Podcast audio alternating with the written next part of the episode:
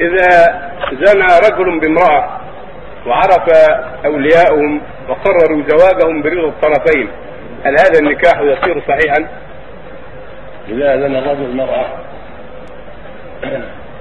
ففيه تفصيل. إن كان ربطه بالنكاح فيها بعدما تاب فلا بأس. إذا أعلن التوبة جميعا وظهر منهما ما يدعو على التوبة فلا بأس.